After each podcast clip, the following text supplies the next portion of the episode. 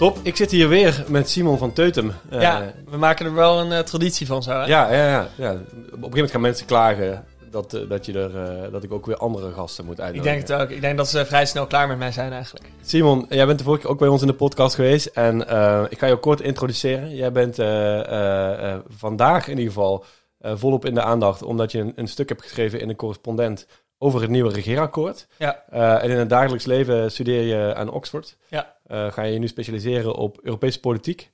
Um, en ik denk dat de meeste mensen die hier naar luisteren jou uh, vooral ook kennen van jouw inzichten op Twitter en jouw draadjes. ja, en, en het is toevallig eigenlijk dat je hier bent.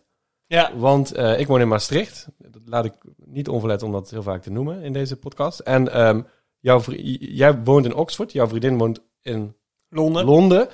Maar uh, je bent op bezoek bij je schoonouders in Valkenburg. Ja, hier, vlakbij Maastricht. Vandaan. Inderdaad, kwartiertje, kwartiertje rijden. En mijn vriendin is ook nog zo lief geweest om, uh, om me hierheen te brengen. Dus we zitten lekker in Limburg. Ook fijn om het niet digitaal te doen deze ja, keer. Zeker. En ja, dus we gaan vlaai eten. Ik heb vlaai gekocht. Jij hebt gekozen voor de abrikozenvlaai en ik voor de appel Victoria. En we gaan een timer zetten, want jij gaat hierna ook nog eens naar, naar Hilversum. om daar nog wat media dingen te doen. Ja, dus we zetten hem op 45 minuten. En in 45 minuten gaan wij het hele regeerakkoord doorakkeren. Ja, dat is vrij ambitieus. Maar uh, ik hoop dat we een paar belangrijke punten eruit kunnen vissen in elk geval. Precies. Nou, uh, we hadden het idee dat we dat doen vanuit... Uh, dat, dat we het bekijken met zeg maar twee brillen. Hè? Ja, en dan hebben we jouw bril, gebaseerd op jouw stuk ook. Ja. En ik heb ook een brilletje meegenomen. Maar misschien kan jij beginnen met het introduceren van jouw stuk. En daarmee ook jouw kijk op het akkoord. Ja, sure. Ik denk dat uh, het hoofdpunt, of de rode lijn van mijn stuk, is dat er een soort van paradox zit tussen hoe het coalitieakkoord is ontvangen en wat er uiteindelijk daadwerkelijk staat. Um, enerzijds lijkt het heel ambitieus en groots, omdat er ja, best wel met miljarden wordt gesmeten. Wordt dan altijd gezegd, ja, het is een begroting van miljarden. Natuurlijk wordt er met miljarden gesmeten, maar er worden een paar grote plannen aangekondigd, waaronder een transitiefonds van 35 miljoen miljard euro voor uh, klimaat, 25 miljard euro tegen het, uh, voor het stikstofbeleid. Uh, de nieuwe regering wil 100.000 woningen per jaar gaan bouwen. Dat is aanzienlijk meer dan de afgelopen jaren deden. Dan denk je, oké, dit is qua ambitie en toon is dit toch wel een beetje nieuw elan, hè, wat Rutte nu wil prediken. Maar als je het akkoord goed leest uh, en zowel de plannen die er wel in staan, dus klimaat, stikstof, uh, wonen, maar ook vooral de dingen die ontbreken, vergrijzing, uh, infrastructuur, lage letterdheid, dan is dat akkoord helemaal niet zo ambitieus, denk ik. En dat is, dat is het hoofdpunt van mijn stuk en dat is de bril waardoor ik, waardoor ik daar naar kijk. Um, en dat, ja, dat valt me eigenlijk best wel tegen. Ja, en, en, en je had het ook over regeren is vooruitzien. En dat je dat juist een beetje mist. Hè? Dat het, dat ja. vooral het, het, het, het, plakken van pleisters op, op... Misschien is dat wat zacht uitgedrukt. Maar in ieder geval aanpakken van problemen die echt nu spelen is. Ja. Terwijl misschien nog andere grote dingen aankomen waar niet echt zo op in. Ja, het is heel erg probleemgestuurd. Op basis van een paar dingen uh, waar de maatschappelijke wind heel erg hard één kant op waait. Uh, sinds een paar jaar. Ja, daar is het niet gek als je als regering ambitie hebt. Want uh, dat is onvermijdelijk. Uh, wonen is daar een goed voorbeeld van. Het zou pas echt nieuws geweest zijn als ja. de regering minder dan 100.000 woningen zou willen bouwen. Um, maar ja, dat regeren is vooruitzien. Dat wordt eigenlijk heel vaak aangehaald bij nieuwe coalitieakkoorden. Dat is een citaat van Emile de Girardin, als ik het goed uitspreek. Die zegt, uh, of die zei in 1852: Regeren is vooruitzien, niets voorzien is niet regeren, maar rennen naar de ondergang. En de kern van mijn betoog is dat Nederland te weinig holistisch vooruitkijkt. Inderdaad. Ja, man, eh, eh, eh, komt dan weer de cynische uh, blik van mij, maar ik heb echt nog nooit een regeerakkoord gezien wat vooruit ziet. Ja. Echt nog nooit. En, en zelfs zeg maar in politiek, wanneer politieke partijen in een stelsel zoals wij aan de slag gaan met dingen die pas langer, op langere termijn spelen, pff, dat is altijd zo laat, joh. Ja. Ja, maar ik denk twee, twee dingen daarop. Eén, um, en dat is denk ik wel interessant. Kijk, voor mij is dit het eerste regeerakkoord wat ik echt goed heb bestudeerd. Want ik, ik studeer nog niet zo lang politiek. Ik ben nog niet zo lang bezig met dit soort dingen. Ja, het nadeel daarvan is natuurlijk dat je het minder af kan zetten tegen eerdere regeerakkoorden en kan kijken wat nou het relatieve verschil is. Het voordeel daarvan is volgens mij dat je juist niet al gewend bent geraakt Aan aan, wat normaal is. ja, precies. Dus dat je, Ja. dat, dat, ik stel mezelf niet de vraag, oh, hoe is dit akkoord ten opzichte van 2017 of ten opzichte van eh, Ja. 1980, wat dan ook. Ik stel mezelf de vraag, eh, als, als, als jonge Nederlander in deze tijd, met de voldoende? problemen die nu leven, wat verwacht ik dan dat een coalitie zegt in 50 kantjes Ja. die hun toekomstbeeld moeten schetsen of hun beleid moeten schetsen? En, en, en dat is ook weer een voordeel, denk ik, dat je het eh, met die frisse blik bekijkt. De, mijn, mijn bril, ehm, ja, misschien dat die een be- beetje hierop lijkt. Ik vind wel dat het, dat het ambitieuze plannen bevat. Ik ben wel sceptisch over eh, eh, het kabinet, denk ik. Ik vind echt dat dit een kabinet is wat heel veel moet gaan bewijzen voordat het echt vertrouwen verdient. Zeker na wat de afgelopen jaren allemaal voor een shitshow in Den Haag heeft plaatsgevonden. Ehm, misschien was dat ook de reden dat, dat er hè, best wel positief over de inhoud gere- gereageerd werd, omdat de verwachtingen wellicht niet zo hoog waren. niet zo Ja, hoog gespannen waren. Eh, maar mijn bril is eigenlijk hoe dan? Eh, er zit zoveel in. Het is ook niet zo uitgewerkt als je dat normaal zou zien bij regeerakkoorden misschien. En heel veel dingen vraag ik me af, hoe dan? Eh, En hoe dan? Uit welke... hoe ga je dit doen? Oh, hoe ga je dit doen? Hoe ga je dit regelen? En, eh, ja, dus, dus het het staat vol met, eh eh, wij willen inzetten op en we willen een masterplan over. Dat gaat allemaal over hele grote dingen. Maar dat is natuurlijk nog niet een oplossing. Ja, En hetzelfde geldt hè, voor, voor de- natuurlijk de, de financiering. Ehm, ja. behoorlijk veel geld. meest spenderende Wat gaat daar nou echt het gevolg van zijn? Ja, Ben ik een beetje bezorgd over. Maar echt de hoe dan. Ik heb heel vaak een vraagteken of een hoe dan in mijn documenten genoteerd. Eh, en en ja, dat is iets wat, wat waarschijnlijk ook nog wel gaat komen natuurlijk. Hè, in de uitvoering als straks al die ministers en staatssecretarissen zitten. Eh, maar ik heb daar nog wel... Daar zit, er zit een, er zit een, ehm, een, een risico van overpromise, underdeliver in Ja. dit regeerakkoord. ja. Wat gek is, want jij vindt eigenlijk dat het er te weinig beloofd wordt. En ik denk, er wordt best wel veel beloofd. Ehm, maar dan moet het ook wel waargemaakt Ja, worden. maar de twee sluiten elkaar natuurlijk niet uit. Hè. Zeg maar, er kunnen belangrijke beloftes missen. En de beloftes die wel gemaakt worden, kunnen Ja. onhaalbaar zijn met de maatregelen Ja. waarmee ze ver- ver- vergezeld worden. Maar ik vind het wel interessant, ehm, vooral omdat je het, dit punt eigenlijk maakt in het kader van wat er het afgelopen jaar gebeurd is. Die vertrouwenscrisis, die, het gepraat over de nieuwe bestuurscultuur, ehm, alles met Pieter Omtzigt. En in dat opzicht eh, is, is die context ook een soort nadeel geworden voor de kiezer of een schild voor de coalitie. Omdat zij ook kunnen zeggen, ja, we willen nu veel meer in de Kamer gaan praten over de invulling van onze plannen. Ja, En dat, is, dat geeft ook een soort van vrijbrief om eh, minder in dat akkoord te zetten. ja, Op, op dingen waar ja, mensen eigenlijk wel meer zouden willen horen. Maar waar het eng is om ideologische keuzes te maken. Of echt ergens achter te gaan staan. Ik denk dat het COVID-19-beleid een heel goed voorbeeld is daarvan. Ik bedoel, we zitten nu in lockdown. Eigenlijk. Eh, en er staat helemaal niks over. Kijk, ik vind dat gepraat over perspectief en een lange termijnvisie en zo vind ik altijd een beetje onzin. Want voor hetzelfde geld komt er over twee weken een nieuwe mutatie. En ehm, kun je alles weer om gaan gooien. Dat heeft niet zoveel zin. Maar basale vraagstukken en belangrijke morele vraagstukken vooral. Wat zijn de rode lijnen voor de- deze coalitie als het gaat om vaccinatiedrang? Blijft het sturen op besmetting, op eh, IC-capaciteit of gaat het over op besmettingen? Ehm, gaat deze coalitie meer inzetten op medische mondmaskers en ventilatie? Ja, daar staat niks over in. Ehm, dus ik, ik vind het heel interessant dat je zegt ehm, dat, je, dat hoe dan aanstipt. Omdat eh, we denk ik heel erg sceptisch moeten zijn als de regering zich gaat verdedigen met... oh ja, maar dit is deel van de nieuwe bestuurscultuur. Dit Ja. wilden jullie toch? Dat we het met de Kamer zouden bespreken. Ja. Als ehm, wanneer het belangrijke ideologische kwesties eh, betreft. ja. Wat geen slechte ontwikkeling zou zijn, hè? Maar dat wil natuurlijk niet zeggen dat ze zelf al ook plannen moeten uitstippelen. Ja, Bij COVID vind ik wel, daar, daar ben ik het... Ik zou, ben blij dat het, er, dat het er niet in staat, want ik denk dat het iedere drie weken verouderd kan zijn. maar hoe... eh, Ook bijvoorbeeld Stel je voor, met, ze hadden ehm, dit geschreven. eh, wanneer is het uitgekomen? 10 december, hè? Ja, Dat is 15 ongeveer twee weken nadat Omicron gesignaleerd werd in eh, Ja. Zuid-Afrika. Stel, ze hadden dus in die weken daarvoor eh, eh, een heel paragraaf over, over COVID geschreven. Hadden ze die eigenlijk al een week voor de presentatie volledig kunnen herzien. En dat is natuurlijk het constante gevaar bij dat onderwerp. Ja, ik Maar denk wat- dat dat met heel veel maatregelen wel is is, dat maar op die fundamentele allemaal. dingen moet er gewoon meer debat zijn. Hè? Ja, En Mark Liefis Adriaanse, die ook al eens in de podcast bij ons is geweest, die zit daar heel erg op te hameren. ja, Er ontbreekt gewoon een fundamenteel debat over... Het is altijd te laat. ja. Altijd te laat. Ook aan de Kamer te wijten trouwens, want die schuiven het van zich af. En wil het zoveel mogelijk volgens mij bij het kabinet laten. Ja. Eh, ja, er is maar- geen echt gesprek inderdaad. Nee. Maar laten we beginnen met, Ja. jou, eh, met jouw punten. Nou, Waar- we- we- waar- laat- we- want je, je stipt het al een beetje aan. En hoofdstuk 1 is democratische rechtsorde. Wat ik meteen al een statement vind. Hè, omdat eh, dat staat normaal ergens achteraan, denk ik. ja, ja, dat is een, onvermijdelijk natuurlijk qua vorm dat Ja. het nu het allerbelangrijkste is. Dat, En dat vond ik wel meteen interessant. Eh, vanuit mijn bril in ieder geval. Omdat daar heel veel punten in staan. En duidelijk een wens is om een nieuwe politieke slash bestuurscultuur te gaan zetten.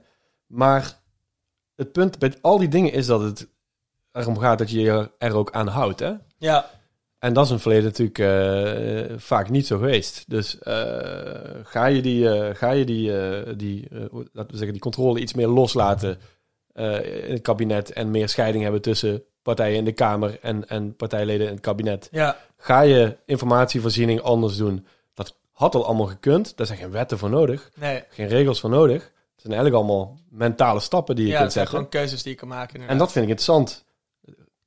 Hè? Ga je dat doen? En Ja. hoe dan?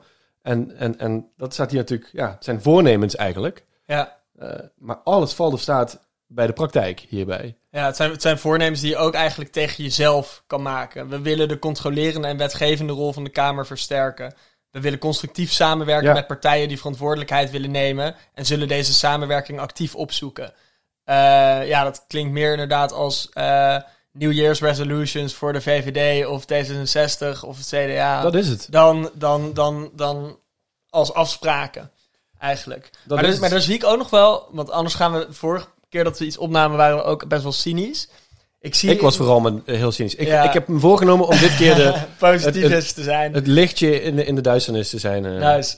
Maar ik, ik zag daar ook wel iets positiefs. Want vorige keer hebben we het heel erg gehad over eh, die versplintering van het politieke landschap in Nederland. En dat je als, ook een beetje dat je als Tweede Kamerlid, als je je moet profileren in de media, het goed moet doen in de partij, dat er best wel weinig tijd en weinig ondersteuning overblijft voor Ja. goed inhoudelijk werk in Ja. de Tweede Kamer. Zeker omdat er best wel weinig eh, ja, veteranen eigenlijk nog in, in die Tweede Kamer zitten. Heel veel mensen zijn nieuwkomers. En dan moet je al die dingen tegelijkertijd balanceren. En vanuit dat oogpunt vond ik het wel heel fijn om te zien dat ze de positie van de Tweede Kamer Ja. ook concreet willen versterken door aanvullend op de jettengelden, dat was dus al extra geld voor ondersteuning, ehm, de structurele eh, financiering van de Griffie ehm, en de analyse- en onderzoekdienst ook nog te verbeteren. Ja. Ja. ja, dat is top. En, en eh, er waren al in het verleden door Rob Jetten gelden voor vrijgemaakt. Hè? Maar er gaat inderdaad meer geld naar ondersteuning van Tweede Kamerleden.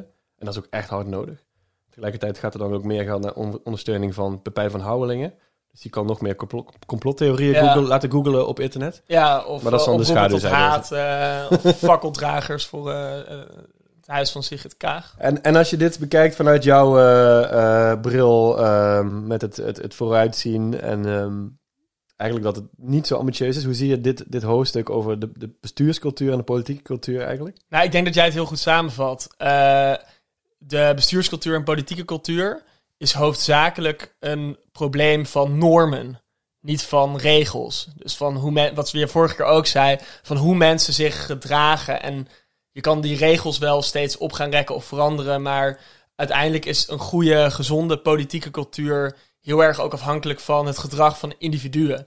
Ehm, ja, in, in dat opzicht vind ik dit niet de meest boeiende paragraaf. Omdat er, ja, concreet kun je denk ik niet zo heel erg veel eh, nieuws doen.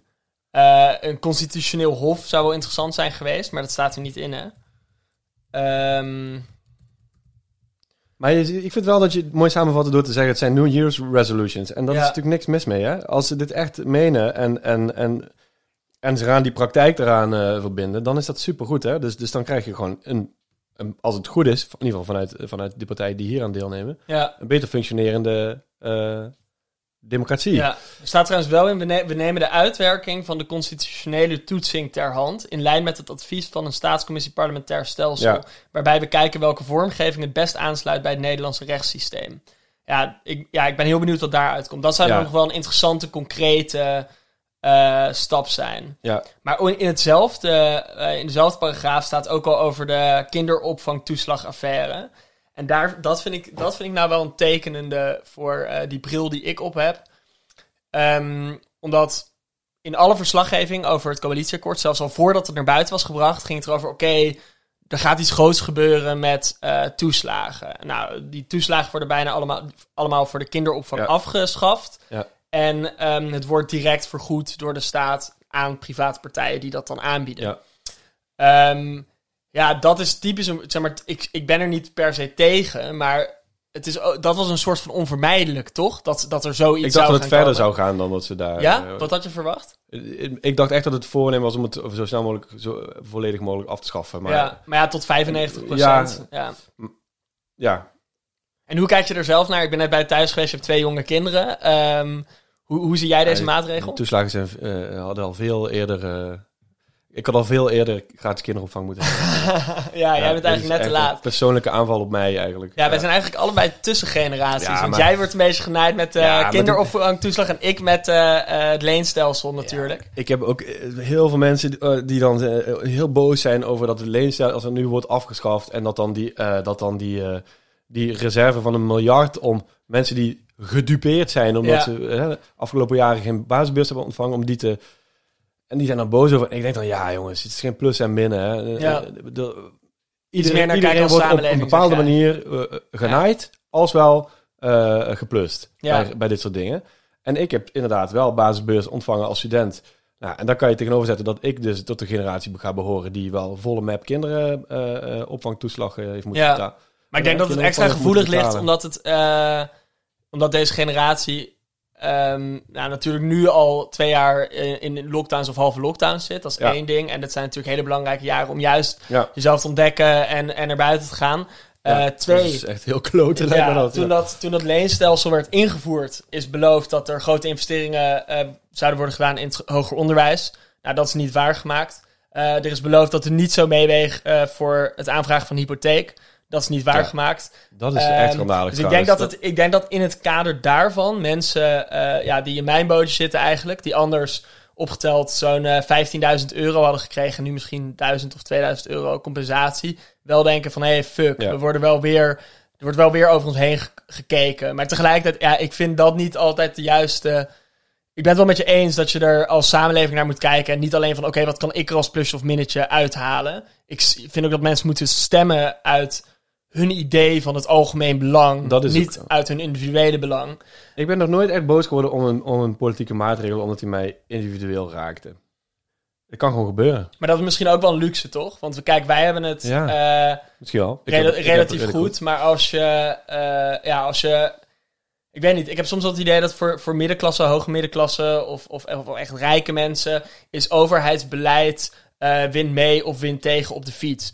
Eh, voor, voor een groot deel van de sociale onderlaag is het de vraag of iemand je uit de sloot komt vissen. Ja. Zeg maar, of, of, je, of bij de eh toeslagenaffaire of je in die sloot wordt getrapt Ja. door de overheid. En ehm, ja, in dat opzicht is dat ook weer makkelijk praten voor ons. Toch lijkt het vaak ook dat mensen die wel degelijk goed hebben, eh, heel erg boos kunnen worden over hè, als er iets van ze afgepakt wordt. En dat, Ja. dat zou ik tussen aanhalingstekens willen zetten. Maar Ja, en, en- en de belastingen worden weer verhoogd eh, voor de hogere eh, eh, inkomens. Ja. Of rekeningrijden gaat ook zo'n ding worden. Daar gaan mensen heel boos over worden. Die, mensen die het heel goed hebben, gaan daar heel boos over ja. worden. En daar zit ook een soort van... Terwijl, wat maakt het uit, joh? Er zit altijd een soort van veronderstelling ook onder dat ehm, wat mensen verdienen in de economie of in de markt, dat dat overeenkomt met wat ze verdienen als in waar ze recht op hebben. Ja, En in het, in het Engels heb je daar een mooi onderscheid natuurlijk tussen. hè. To earn, zeg maar, je, ver- je verdient geld, or to deserve. Dus Ja. verdien je het echt moreel, is het gerechtvaardigd. In het Nederlands is het ook wel interessant dat beide woorden verdienen zijn en dat mensen ja. die twee dingen ook door elkaar halen. Of heel Ja. makkelijk denken van oké, ja,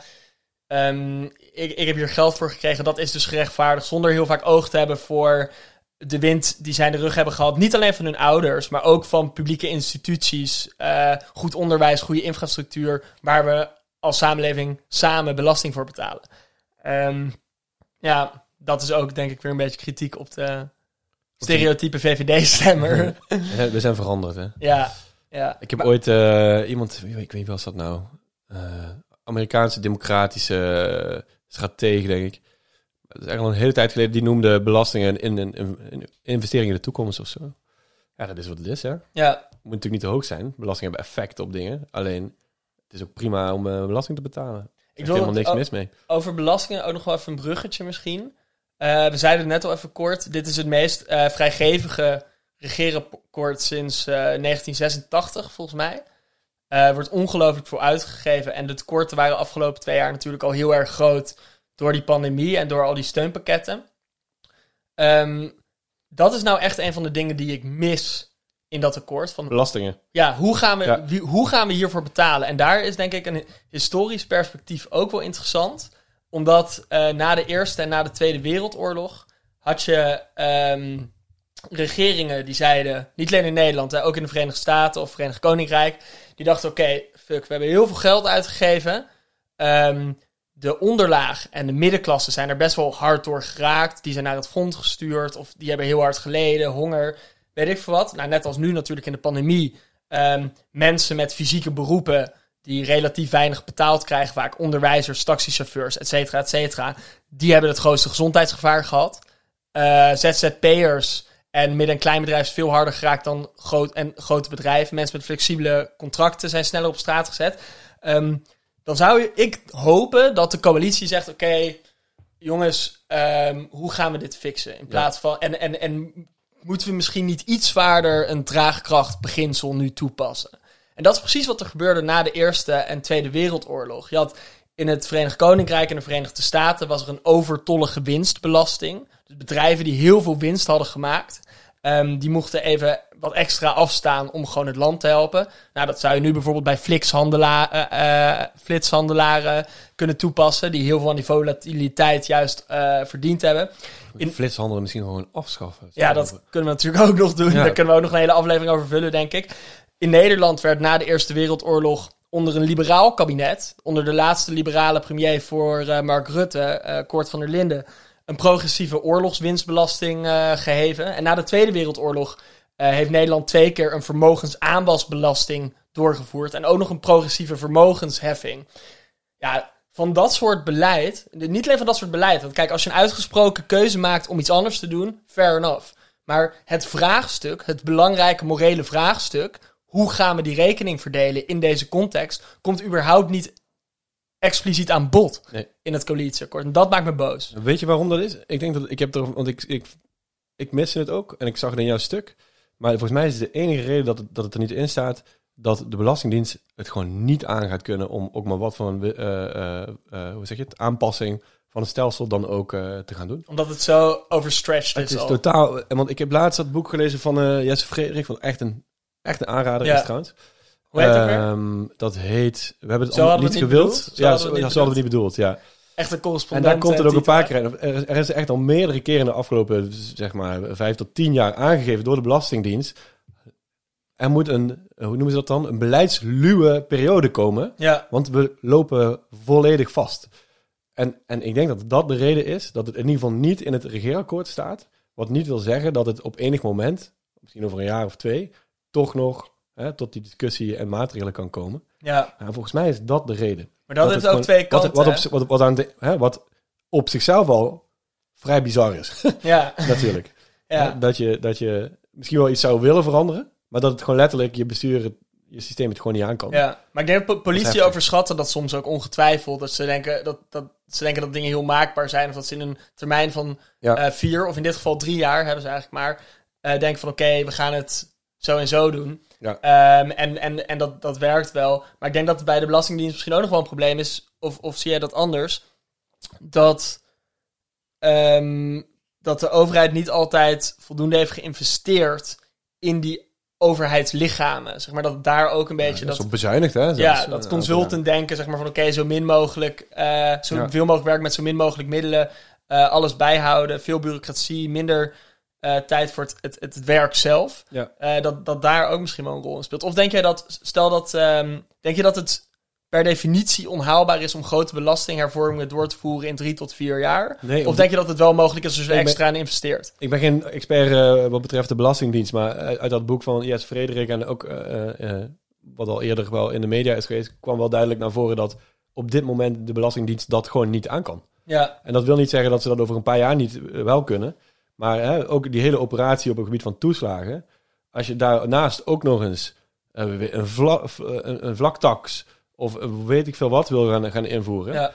Een hele herziening van het belastingstelsel, dat is gewoon, of dat schijnt onmogelijk te zijn, puur op uitvoeringsgebied. ja. En, en dat is wel, ja, een beetje, beetje schokkend. Is een beetje schokkend. Ja, nee, maar dat, dat maar dan loopt- begrijp ik wel beter waarom ze het niet benoemd hebben. Ja, maar dat, loopt, dat hangt ook mooi samen met hoe Nederland heeft gereageerd op de pandemie. Hè? Want wij denken altijd als Nederlanders, ook ik naar Engeland ging, Ja. en dat, nou, met, in vergelijking met het Verenigd Koninkrijk heb ik misschien nog wel gelijk, maar denk ik altijd, oh, wat hebben de Nederlanders alles goed geregeld. Veel Wat, tegen. wat, wat, kunnen wij, wat zijn wij operationeel toch sterk? Oh, moet je Ja. al die Zuid-Europese landen zien. Ja, die, die kunnen er allemaal niks van, weet je wel. Dat, dat, dat gedachtegoed, dat heerst best wel in Nederland. En ja, dan zie je dus bij zo'n crisis, wordt dat blootgelegd dat, dat, dat daar echt zelfkennis mist Ja. in ons land. Ja. Ehm, maar ja, hoe dan? Dus inderdaad. ja, hoe dan? Ja. En een ander mooie voor hoe dan vind ik wel de klimaatplannen. Dat is hoofdstuk 2. Ja, ja wat, eh, hoe heb jij die gelezen? Daar heb ik boven geschreven, overpromise, underdeliver. Dat is het risico. Ja, Ehm, ik vind het wel, wel goed dat, dat ze eh, die 60% dan op willen inzetten. Hè. Ze gaan dat geen eh, bindend doel maken, volgens mij. ja want er staat, we willen, vijf, Ja. eerst staat er, het doel is 55%. Om zeker te zijn dat, om, om- dat we dat halen, Ja, richten we de maatregelen in op ja 60%. ik begrijp, dat- en dat begrijp ik wel. Hè. Dan, dan, want, want wat je altijd ziet bij die doorrekeningen is dat het natuurlijk altijd weer, ook zeker als de tijd vordert, lager kan uitvallen. Eh, en dan is dat gewoon een veilige marge om in te zetten op 60. Ik snap dat wel. ja, Wat niet wil zeggen dat ze het gaan halen, dus. Maar het kan ook bij, en dat is wat ik, waar ik altijd... Bij dit onderwerp, ik, ik hink op twee, eh, hoe zeg je dat? Gedachten. ja, En de ene is, oh mijn god, we gaan dit nooit van elkaar krijgen. Wat een ellende, de hele wereld gaat eh, naar de kloten. En de andere is, misschien komt er op een gegeven moment wel een enorme stroomversnelling, waardoor je ineens die doelen allemaal blijkt te kunnen Ja. gaan halen. uit de In de private komende sector, tien je jaar. technologisch of ja. En dat proef ik hier, dat vond ik wel mooi in, de, in dit hoofdstuk. En dan met name ook over wat ze willen doen om de industrie te gaan eh, eh, eh, ver- Ja. vergroenen. Dat vind ik wel echt een, een hele mooie opgave. Dat, ze dat, dat, dat je daar ook voor kiest als land. om dat gewoon samen te gaan doen. Dat Ja. gaat ook veel geld kosten. Maar dan, en, dat, en dat duurzame, of dat, de groene indus- industriepolitiek, hè, ook wat, wat in het stuk staat. Daar ben ik wel echt heel benieuwd naar. Tegelijkertijd, dit is zo'n grote opgave. Ja, ben blij dat ik het niet hoef uit te voeren. Nee, maar we zijn toch, hier zijn we toch gelukkig wel weer een beetje optimistisch. Ja. Het schept misschien een mooi contrast met mijn pessimisme op dit eh, onderwerp. Maar dit is toch mooi? Ja, nee, met die industriepolitiek ben ik helemaal met je eens. En daar moet, kijk, dat kun je niet doen zonder het bedrijfsleven. Dat kan de overheid niet alleen. Ehm, tegelijkertijd, eh, jij zegt dat het niet gehaald wordt, dat is een risico. Eh, daar ben ik mee oneens. Dat het niet gehaald wordt, dat, dat is een, wat erin staat, niet gehaald wordt, dat is een zekerheid.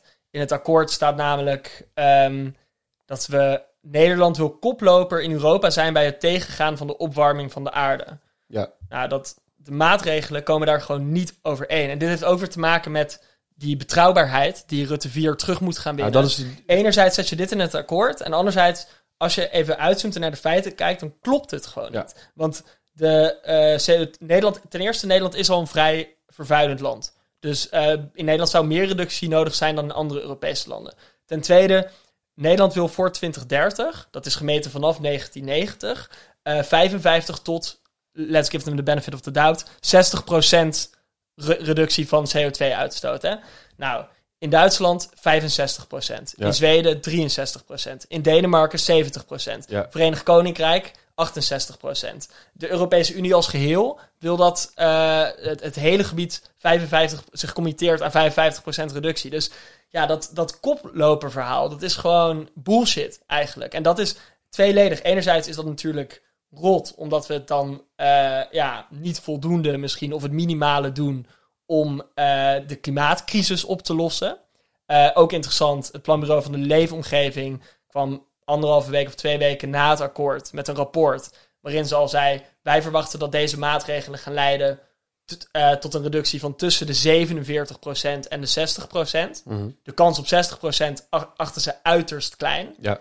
Ja, dat is dus kloten. Maar hier zijn nog niet echt maatregelen in natuurlijk, hè? Dus, dus het is lastig om... Nee, oké, ja, je weet, kijk, je kan het, er zijn natuurlijk altijd heel veel onzekerheden en het eh, hangt ook af van technologie. Alleen ik, ik vertrouw meer op hun doorrekencapaciteit en hun modellen dan op mijn eigen intuïtie daarin. Ehm, ik, ik geloof dat die range redelijk realistisch is, als zij dat zeggen. En ja, dat is enerzijds is dat natuurlijk rot, omdat je als Nederland dan niet genoeg doet. Maar wat ik eigenlijk nog veel rotter vind, is dat je het dan ja, uit je strot krijgt eigenlijk om de zin Nederland wil koploper in Europa zijn. Bij het tegengaan van de opwarming van de aarde neer te pennen. Als, als je niet de daad bij het woord voert. Want ik denk dat dat soort taalgebruik, of ja, harde leugens eigenlijk, als je niet daadwerkelijk die ambitie hebt, dat ondergraaft het vertrouwen in, in de Nederlandse politiek. En dat, ja, ik, ik begrijp dat, ze- kijk, zo'n zo'n coalitieakkoord leest altijd super schizofreen. Hè? Je, je kan precies de zinnen van CDA en D66 eruit pikken en hoe dat met elkaar in tegenstrijd is. Maar je, je kan niet jezelf zo tegenspreken als ze hier hebben gedaan. Dus dat viel me echt tegen. Ehm, als ik eh, in datzelfde hoofdstuk kijk, ik kwam ook zo'n zin tegen waar ik een beetje op aansloeg van wat is dit nou? Misschien hetzelfde als, als die koploper eh, eh, zin die jij noemt. En dat was, we gaan ambitieus aan de slag met slim en pragmatisch beleid om onze huizen en bedrijven te verduurzamen. Ja, What the fuck betekent dat? ja, Slim en pragmatisch. ja. Is ambitieus aan de slag met slim en pragmatisch beleid. Nou, leuk. Ben benieuwd. Ik vind het ook heel moeilijk, want je hebt best wel veel van dat soort zinnetjes Ja. in het akkoord staan waar je eigenlijk niks mee kan. En ik heb daar dan een dubbel gevoel bij, omdat ik denk van oké, ehm, ik kijk altijd eerst naar de getallen en, en naar de harde commitments en doelen, want daar, die, die kun je zeg maar vastpinnen. Anderzijds, ehm, het, wordt wel, het, het voordeel van dit soort zinnetjes er wel af en toe in hebben, is dat wanneer Tweede Kamer, andere twee oppositiepartijen voorstellen doen, of er nieuwe problemen aan bod komen, de coalitie niet in één keer daar diametraal van af kan wijken. Of de, de kosten van het afwijken daarvan moeilijker maakt. Omdat oppositiepartijen of journalisten of wij dan kunnen zeggen: hé, hey, maar je zei in dat akkoord dat je. Slim het- en pragmatisch. slim en pragmatisch. Dit is niet slim en pragmatisch. Ja. Misschien wel slim, maar niet pragmatisch. Precies. Ja, maar dat, ja, dat is natuurlijk heel subjectief ook. Maar in dat opzicht ben ik daar toch weer iets minder cynisch over. Ja. ja, het viel mij gewoon op. Ik hou, ik hou niet van dat soort zinnen. Het moet ook een beetje wervend zijn, hè? Ja, nee, ja dat, het is zeker niet leuk opgeschreven. Je zou, je zou eigenlijk het eh, akkoord moeten vertalen. Gewoon in, in normaal In taalgebruik, ja. Maar wat, Eh, wat was jouw favoriete? Wat was jouw favoriete stuk eigenlijk van het akkoord? Of wil je rustig Favoriet is wat ik zeg maar, eh, 's s'nachts voor het eh, slapen gaan eh, nog even... Ja, eh, waar je echt vrolijk van werd. Van al het... eh, Nou, ik vond dat stuk over die, eh, dat hoofdstuk 1 vond ik heel, eh, heel interessant. Met eh, als kanttekening eh, hè, over, de, over de democratie. eh, met als kanttekening, dan moet, je moet het wel gaan doen. Het is echt een praktijkklus. ja. Niet met regelgeving en zo. Maar dat is ergens ook wel weer ironisch dat je zegt... het stuk waar ehm, de uitkomsten het meest afhankelijk, afhangen van de individuele keuzes van politici... niet van wat er in het coalitieakkoord staat... dat stemde me het meest enthousiast. Welke harde maatregels Ja, welke stemde, ma- stemde je Ja. het meest enthousiast? Ik weet je, ik ben ook eerlijk gezegd een beetje eh, beleids... eh, eh, in, in Amerika zeggen ze post-policy. Ja, Al- ik- mij gaat het echt bij, bij dit akkoord om het algehele plaatje en wat is de richting en zo. En die maatregelen, ja, dat moet optellen tot iets goeds. ja, Maar iets individueels, I don't know. Bijvoorbeeld in het, in het klimaatparagraaf stond wel een interessante, vond ik. En dat was, eh, eh, ik kan hem even erbij pakken. We onderzoeken de mogelijkheden, dat is ook weer zo'n hoe dan, hè. Dus we onderzoeken de mogelijkheden, maar dan wel, iets interessants, om financiële prikkels voor fossiele brandstoffen af te bouwen.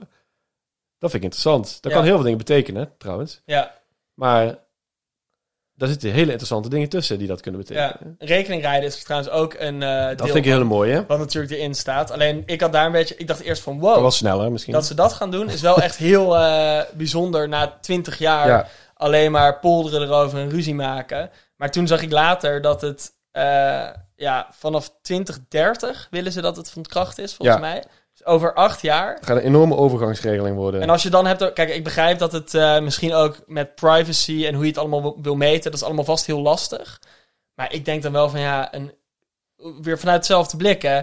Ehm, als eh jongere die in Nederland geboren en getogen is, die zo'n plan leest, denk ik niet van, oh, wij, hebben een, wij zijn een ambitieus land. Of wij hebben een ambitieuze regering. Maar misschien ben jij gewoon extreem ambitieus. nou, dat, dat valt denk ik ook wel mee. maar dat, en ik, ik zou dan zelf denken, oké, stel dat je er nu al zo over denkt, maar dat het pas over acht jaar ingevoerd Ja. kan worden, zou je zelfs nog kunnen zeggen van, oké, wat zouden we daartussen dan nog meer kunnen doen? En dan denk ik bijvoorbeeld aan nog hogere benzineaccijns of zo. Ja. Dat je een soort van overdrachtregeling hebt. En dat, dat soort dingen Maar dat missen. komt nog, hè? Dus als je, als je eh, eh, bijvoorbeeld die klimaatparagraaf, er staat best wel wat dingen concreet Ja. in, maar heel veel is nog wel open. En er gaat gewoon een nieuw eh, document komen door de eh, minister van eh, Klimaatdrammen, Ja. eh Rob Jetten. Wat Ja. ik echt gaaf vind trouwens, Rob, dat, dat hij dat gaat doen. ja, dat is wel boeiend, ja. Ehm, waar de uitwerking in staat. En dat kan best, want als je dus dat, dat zinnetje hebt over financiële prikkels tegengaan voor fossiele brandstoffen. Dat er nou, zo'n overdrachtsregeling daar kunnen hele interessante Ja, dingen uitkomen. ja. Maar dat weet je nog niet. En dat is dan ook weer die hoe dan. Hè? Ja, hoe Ja. dan? En in dat opzicht heeft D66 ook wel goed geregeld dat ze de minister eh, van Financiën hebben. Ja, Want daardoor kon, kan Jette minder makkelijk de pas afgesneden worden door een eh, gierige VVD of CDA-minister eh, van Financiën. ik, ik, ik hoor het je zeggen, ja. Maar, maar, maar dat is nog wel leuk, want die 35 miljard voor klimaat, dat is natuurlijk overal in de pers en heel veel geld. En ik denk, ja, zoveel is dat niet. 3,5 Ja, miljard per jaar, wat is dat nou? ja. Dat is echt... Ja. peanuts. Dat is Maar echt ik niets. hoop dat we over eh, drie jaar, als ze klaar zijn, de balans kunnen opmaken en kijken of dat document inderdaad Ja. eh, goed. En dan hebben we ook weer een lange pauze gehad voordat wij weer met Steen een podcast opnemen. dus Nou, we wie hebben weet. genoeg te bespreken. Mijn beste nieuws was denk ik ehm, de EU-paragraaf. Ja, ja, ja, die vond ik ook leuk. Nederland heeft de afgelopen jaren alleen maar dwars gelegen in Brussel. En we zijn langzaam eigenlijk het nieuwe Verenigd Koninkrijk aan het worden daar. Ehm, dat was natuurlijk met name te zien bij het Europese Herstelfonds tegen de pandemie. Eh, anderhalf jaar geleden inmiddels, bijna twee jaar geleden inmiddels. Toen ehm, ja, Wopke Hoekstra en Mark Rutte een soort wedstrijd deden wie het aller, aller moeilijkst kon doen. En... En- Hoekschrijf gewonnen. Ja, ook met oog. Ik denk ook al met oog op de verkiezingen. Van oké, wij, willen, wij willen in Europa echt de bad guy zijn. Want dan weten de Nederlanders in elk geval dat we voor hun belang hebben gevochten. Dat heeft enerzijds enorme diplomatieke schade opgeleverd. Nederland is volgens mij nu het vierde minst populaire land in de EU. Of eh, er was laatst een, een, een peiling over bij onder andere, onder andere landen. Ehm, anderzijds heeft dat helemaal nul resultaat gehad. Want het hele punt van die discussie was om geen gemeenschappelijke schulden te krijgen in de EU. Dat is gewoon niet gelukt. Omdat het verlies aan politieke goodwill, wat we al in hoge mate hadden, ehm, dat, dat, dat was te groot om uiteindelijk dwars te blijven liggen toen Macron met zijn vuist op tafel sloeg. En als je naar Dat was niet tegen te houden. Nee, precies. Dus dan heb je met hele hoge kosten uiteindelijk heel weinig resultaat behaald. En in dat opzicht is het wel interessant dat dit akkoord echt een fundamentele toonverandering heeft wat betreft de Europese Unie. Eh, de coalitie wil het Europees Parlement meer macht geven, eh, doordat ze bijvoorbeeld eh eurocommissarissen kunnen laten aftreden. Ze willen het vetorecht voor een groot deel van het buitenlandsbeleid van de EU afschaffen. En ze spreken zelfs, eh, maar ja, dat doen ze bij het klimaatstuk ook, over een leidende rol voor Nederland in Brussel. Dus daar ben ik wel echt Dat, benieuwd. ze- dat is eh, wel een, dat herhaling van zetten. Hè. Ik denk dat, dat je geen regeerakkoord tegenkomt waar zoiets niet in staat. Nou, nou, als je. Niet, maar als je, de concrete dingen gaat bekijken, is het wel ver. Klopt, alleen ehm, als je de toon leest van het regeerakkoord in 2017 over Europa, daar staat niks in over een leidende rol van Nee. Nederland in Brussel. Want dat, die leidende rol zegt iets over de integra- politieke integratie van de Europese Unie. En dat is iets wat het vorige regeerakkoord juist heel erg graag tegen wilde houden. Ja, ik ben het met je eens. Ik vond dat een mooie paragraaf. En eh, ik hoop... Maar ook dat zijn wel veel dingen die in de praktijk moeten blijken. Hè? Ja, zeker. Want wat is dat, een leidende rol? Ja. Ik kan ook Ja. zeggen dat Hoekstra en Rutte een leidende rol hebben gespeeld tijdens... eh, door tegengas te geven tegen die... eh Ja, ja, dat, zo, dat ja. was ook op een bepaalde manier een leidende rol. Zo je Alleen wij zullen het er niet mee eens zijn geweest. Maar ze zeggen wel, Nederland neemt een leidende rol om de EU slagvaardiger, economisch sterker, groener en veiliger te maken. Ja, en vooral dat veiliger vind ik interessant. Ja. Ja, want dat heeft toch wel een geopolitieke ondertoon, Ja. toch? Ja. Verwacht jij daar veel van? Ja, ik, het is me niet helemaal duidelijk wat de uitwerking gaat zijn van zoiets. Ook omdat dat natuurlijk, je kunt in Nederland wel bepaalde dingen bepalen die je wil in Europa. Maar dat Ja. is natuurlijk, hè, ja, zitten nog wel wat meer eh, landen aan tafel. Dus je kunt, ook niet al te concreet worden. Nee, klopt. Maar de, de, laten we zeggen, de geest van het stuk vind ik heel eh, interessant. En wat ook nog interessant wordt hier, denk ik. eh, en dat, Strategische autonomie, hè? strategische erin, autonomie natuurlijk. staat erin. Dat hadden we Het hebben we ook eerder besproken. Maar ehm, in Nederland hebben we vooral met betrekking tot Europa heel erg de neiging om naar binnen te kijken. Wat wij nou eigenlijk willen. Maar ik denk dat het zeker voor deze regering heel interessant wordt om naar buiten te kijken. Omdat het speelveld heel snel aan het veranderen is. Ja. De nieuwe Duitse coalitie, geleid door de SPD, heeft uitgesproken dat ze echt stappen willen zetten richting federalisering van de EU. Nou, dat, die discussie, daar, daar zijn wij nog heel ver vanaf in Nederland. Ja. Ik weet ook niet of mensen dat hier wenselijk vinden. Maar dat is wel een realiteit van de ma- het machtigste land in de EU waarmee je te dealen hebt. In Frankrijk zijn er Ja. verkiezingen in juni. Interessant, hè? Wat daar gaat gebeuren. Ja, wel. En want als Macron herkozen wordt, zal hij waarschijnlijk ook grote nieuwe stappen willen zetten richting verdere Europese integratie. Ik ben heel benieuwd. ja, dus dat wordt. Ik dat zou er niet per se tegen zijn.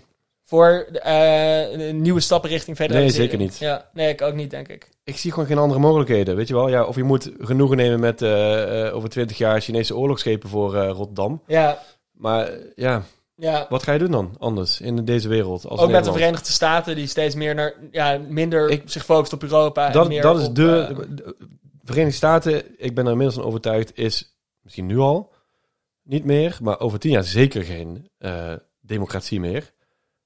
ja, ben je zo pessimistisch daarover? Of ze, ze worstelen ze zich door deze periode heen, maar moeten zich daardoor zo naar binnen keren dat ze eigenlijk eh, afstand nemen van, van het wereldtoneel. In ieder geval op, op, als bondgenoot van, ja, of betrouwbare bondgenoot van Europa.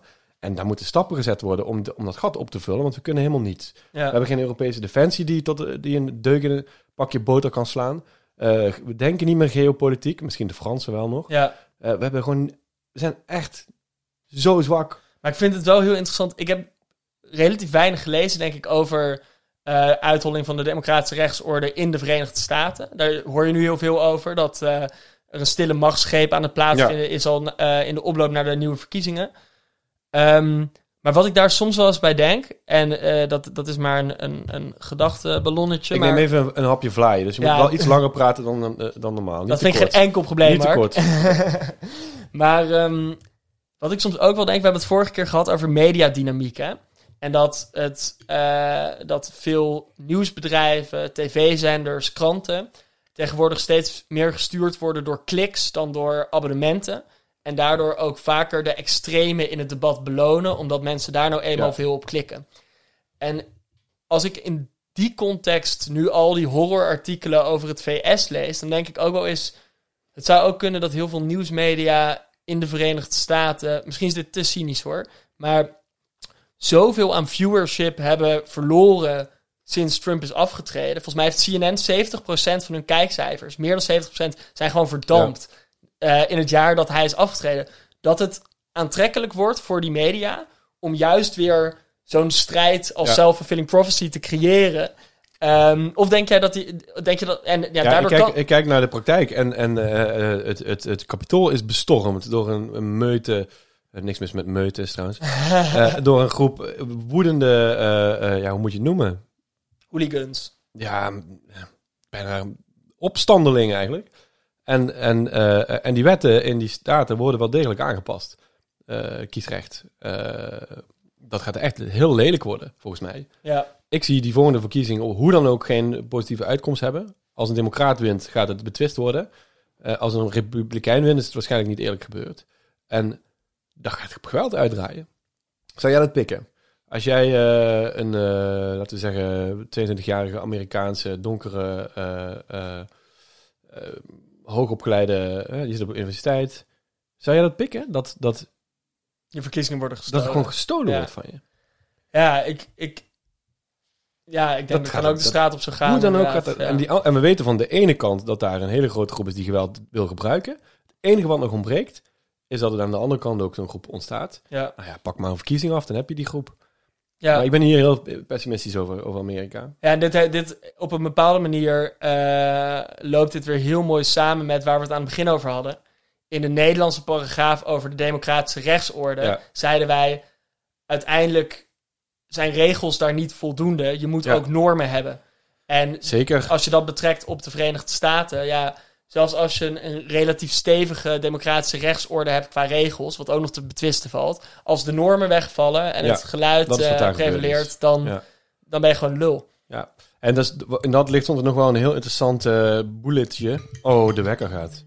Zo, dat Dan- is wel snel. Nou, dan gaan we nog vijf minuutjes doorpraten. vijf minuutjes. Ja. Anders mis jij je trein, joh. Dat kan niet.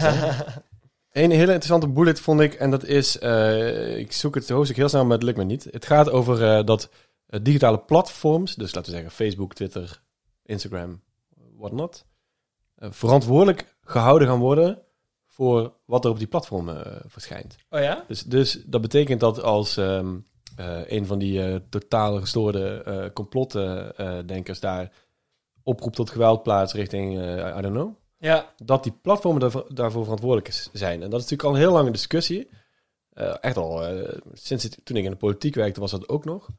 Eh, maar heel moeilijk te enforcen. Volgens mij in Duitsland is het al zo dat die platformen eigenlijk verantwoordelijk ge- gehouden worden voor wat erop verschijnt. Eh, maar dat is wel een interessante. ja. Eh, Zie jij daar een gevaar voor vrijheid van nee, dat, ik meningsuiting? zou dat fantastisch vinden. Ja. Ja. Ja, Ik vind dat zo'n moeilijk gesprek, omdat... Kijk, dit is nou een onderwerp waar de maatschappelijke wind ook heel hard de kant op waait van... Oké, we moeten die bedrijven veel grotere verantwoordelijkheden geven om Ja. Ehm, ja, belediging, maar vooral ha- echt haatzaaien en geweld tegen te gaan. Ja, Zeker, ik bedoel, afgelopen week eh, stond er iemand met een fakkel voor het huis van Ja. Kaag. Een paar weken geleden was dat bij Hugo de Jonge het geval. Ik voel ook een heel sterk sentiment dan van we moeten meer doen. En we moeten eh, onze gekozen politici beschermen. Want anders wil niemand het zo meteen meer worden ook. Of gaat het vreselijk mis zoals het 20 jaar geleden is gegaan. Ehm, eh, tegelijkertijd is het natuurlijk wat, wat, fundament, wat je fundamenteel gaat doen, is de grootste spreekbuizen waarop mensen discussie voeren en een gesprek samen hebben, ga je aan de band van de overheid Ja. leggen of ga je inperken door de overheid. Dat brengt twee moeilijke vraagstukken met zich mee. Eén, wat gebeurt er als je een regering hebt met verkeerde intenties of die graag eh, tegenstanders eh, het zwijgen op wil leggen? Want het is niet altijd objectief of iets haatzaaien is of niet, of iets een oproep tot geweld is of niet. Twee, de groeperingen die op dit moment zo agressief zijn, worden die daadwerkelijk minder agressief wanneer ze van dat soort platforms worden geschrapt en waarschijnlijk samen gaan komen in andere echo chambers waar alleen nog maar van dat soort mensen zijn. ja, en dat zijn twee empirische vraagstukken waar ik nog best wel sceptisch over ben. ja, je gaat het dus ook niet oplossen zeg maar, door eh, enkel dit, hè, wat hierin staat, Ja, gaan doen. Maar het legt wel een, een eh, verantwoordelijkheid bij die platforms om in ieder geval er wat aan te doen. ja. En, en, en ze kunnen dus ook niet meer, als, als je dit in heel de wereld zou hebben, dit soort regelgeving, kunnen ze niet meer hun businessmodel baseren op ha- haat en misinformatie. Ja, nee, dat is inderdaad heel En- goed. En in dat opzicht worden ze ook dichter naar normale nieuwsmedia getrokken, waar je ook normen hebt en regels als hoor en, En- wederhoor. En, Overkoepelend, en dat is dan misschien wat ik ook, hè, dan, om, om jouw bril dan op te zetten van het vooruitzien. Ik denk steeds meer dat het intrinsiek is aan sociale media dat ze democratieën gaan verrotten. De- ik, ik zie echt bijna niet meer de positieve kanten van die, eh, ja voor mij is het persoonlijk, ik kan lekker Ja. mijn, mijn, mijn, mijn tweetjes kwijt, maar ik, dus, het is het grootste gevaar voor onze democratieën wat er is volgens mij. En juist omdat voor, het het bestond niet meer. Dus, dus je- jij zegt net, eh, eh, door een paar van die accounts te bannen, ga je natuurlijk niet voorkomen dat dat toch Ja. gewoon plaatsvindt op die platformen. Maar, als die, maar die platformen zijn de, eh, op zijn minst de katalysatoren van radicalisering. ja, En op zijn slechts zijn ze de directe oorzaak. Dat kan, hè? Dus Ja. dat ik eigenlijk een heel normaal persoon ben. En vervolgens kom ik in een YouTube-funnel terecht. ja, En kom ik eruit als, als een totale eh, gestoorde, eh, agressieve gek. ja. Zo eindigen we toch op een positieve noot. Sociale media gaat Je ons moet- democratie kapot maken. Ja. Thanks, Mark. Is er in Amerika al gebeurd dus. ja. Ja, shit man, ik zou positief blijven. ja. Nou, volgende keer weer Weet je wat ik een heel leuk punt vond nog? Eh, ga ik even, gewoon om dan positief af te sluiten, hè? Ga ik even zoeken. Ik heb vast nog wel ergens ehm, iets heel positiefs onderstreept. Oh, verdorie. Oh ja, wat me dan nog opviel, en dat is, dat, dat is misschien niet positief of negatief, maar heel veel punten gaan, of een aantal punten in het akkoord gaan over eh, radicalisering. En eh, over terrorisme en dreigingen voor de democratie. En bijna altijd als ik die stukken lees, als ik dat tien jaar geleden gelezen had, had ik gedacht aan islamitische radicaal, radicalisme, terrorisme. Ja. Ik denk er gewoon niet meer aan. Nee, Ik, ik zie het maar in één context. En dat is eh extreem Forum rechts. voor Democratie. Ja, Ja, ik zou niet meer extreem rechts noemen, want het is eh, totaal... Ja, is dat Ja. nog rechts? Ik weet niet. Het is, het is een soort postmoderne anti-verlichtings... Ja, eh, maar niet religieus gedreven. Ja. Ja, en dat viel me op bij mezelf. Dat ik dat echt als een dreiging zie en helemaal niet meer denk aan wat inmiddels een soort van vervlogen bedreiging lijkt. Ja. Namelijk eh, islamitisch fundamentalisme. Nee, terroristengroepen zijn een veel positievere noot om mee te eindigen. Inderdaad, Mark. Thanks. ja man, shit. Alright. Was weer leuk, man. Ja, leuk, zeker. En eh, ik hoop dat je vlaai gesmaakt heeft. Zeker. Dankjewel. Ja, en een goede reis eh, naar Hilversum.